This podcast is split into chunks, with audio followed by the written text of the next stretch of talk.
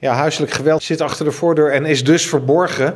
Maar het gebeurt echt heel veel, hè? Ja, dat klopt. Helaas wel. Het is inderdaad iets waar niet makkelijk over gesproken wordt. Snap je ook wel, hè? Je, je, je thuis eh, zou je veilige haven moeten zijn. En daarom ervaren mensen een hele grote drempel om daarover te praten. Maar we zien dat uh, in onze regio 1 op de 10 mensen te maken heeft met een vorm van huiselijk geweld. En soms zelfs een ernstige vorm van huiselijk geweld. En als je daar verbaal geweld nog bij, uh, bij rekent, dan heeft zelfs 1 op de 3 mensen in huiselijke sfeer te maken met een vorm van geweld. En wij hebben nu een uh, visie gemaakt samen met de regio om uh, te kijken hoe we dat huiselijk geweld kunnen voorkomen en kunnen stoppen. Nou is huiselijk geweld natuurlijk niet uh, iets van, van nu. Uh, dus wat verandert er dan in, het, uh, in de aanpak? Het Rijk vraagt aan alle gemeentes regionaal om één keer in de drie jaar een visie te maken. En wij hebben nu opgeschreven dat we heel graag het taboe om te praten over huiselijk geweld willen doorbreken. Dat we het vroeg willen signaleren en snel willen stoppen. Dus daar kondigen maatregelen voor aan. Maar daarnaast hebben we gezegd er zijn drie specifieke groepen waar we in onze regio aandacht aan willen geven. En dat is gendergerelateerd geweld. Dat is ouderenmishandeling. We zien ook uh, het geweld uh, bij ouderen toenemen, ook onderling. En dat is geweld rondom complexe scheidingen. We zien ook het aantal scheidingen toenemen en het geweld rondom die scheidingen uh, daar in huiselijk geweld ook zien toenemen. Dus dat zeggen we in de Leidsregio en omgeving. Zeggen we, nou, dat zijn drie specifieke vormen van huiselijk geweld waar we de aankomende periode extra aandacht aan willen geven. Wat betekent gendergerelateerd geweld? Ja, gendergerelateerd geweld is geweld tegen een bepaalde sekse. Uh, maar kan ook bijvoorbeeld um, eergerelateerd geweld zijn of uh, genitale verminkingen. Dat soort zaken uh, vallen onder gendergerelateerd geweld. En dat zien we helaas toenemen. Dus daarvan hebben we nu een speerpunt gemaakt. En niet een speerpunt in de goede zin van het woord, maar als iets waar we extra aandacht voor moeten hebben. Begrepen. En dat is misschien nog wel verklaarbaar dat het tijdens de coronapandemie echt fors is gestegen, het aantal gevallen. Hè?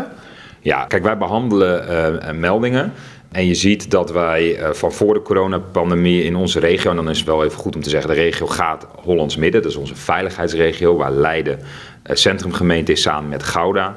Uh, zien we dat we van ongeveer 3500 meldingen per jaar naar bijna 5000 meldingen per jaar zijn gegaan tijdens de coronapandemie. Dat is ook wat te verklaren. Mensen waren veel thuis. Dat zien we landelijk ook wel. Daar zijn we niet uniek in. Maar dat geeft wel aan dat het, dat, ja, het probleem vergroot is. Want het niveau is, het is niet terug op het oude niveau.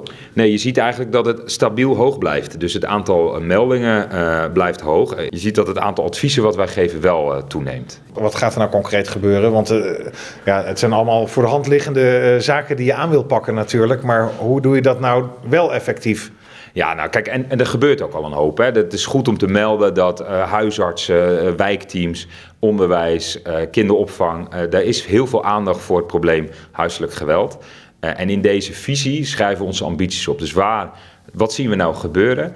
En uh, waar moeten we extra aandacht aan geven en hoe gaan we dat dan doen? Nou, en die ambities formuleren we nu door te zeggen, nou, we willen uh, dat gendergerelateerd geweld, ouderenmishandeling en uh, geweld rondom complexe scheidingen, dat willen we extra aandacht geven.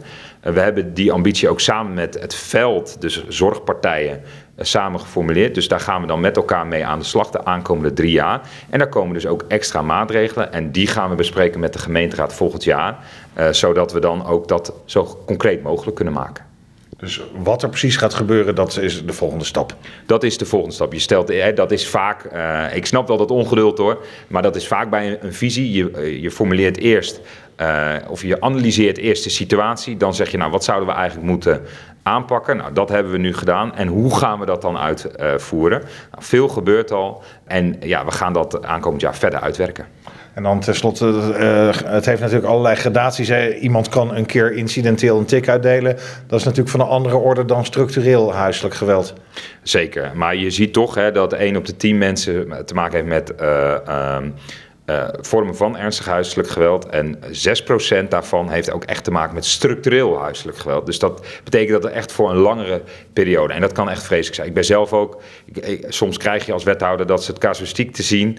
En dat is gewoon vreselijk. En daarom moeten we hiermee aan de slag. Dat doen we ook al. Maar we moeten proberen zo'n geweldspiraal zo snel mogelijk te kunnen doorbreken.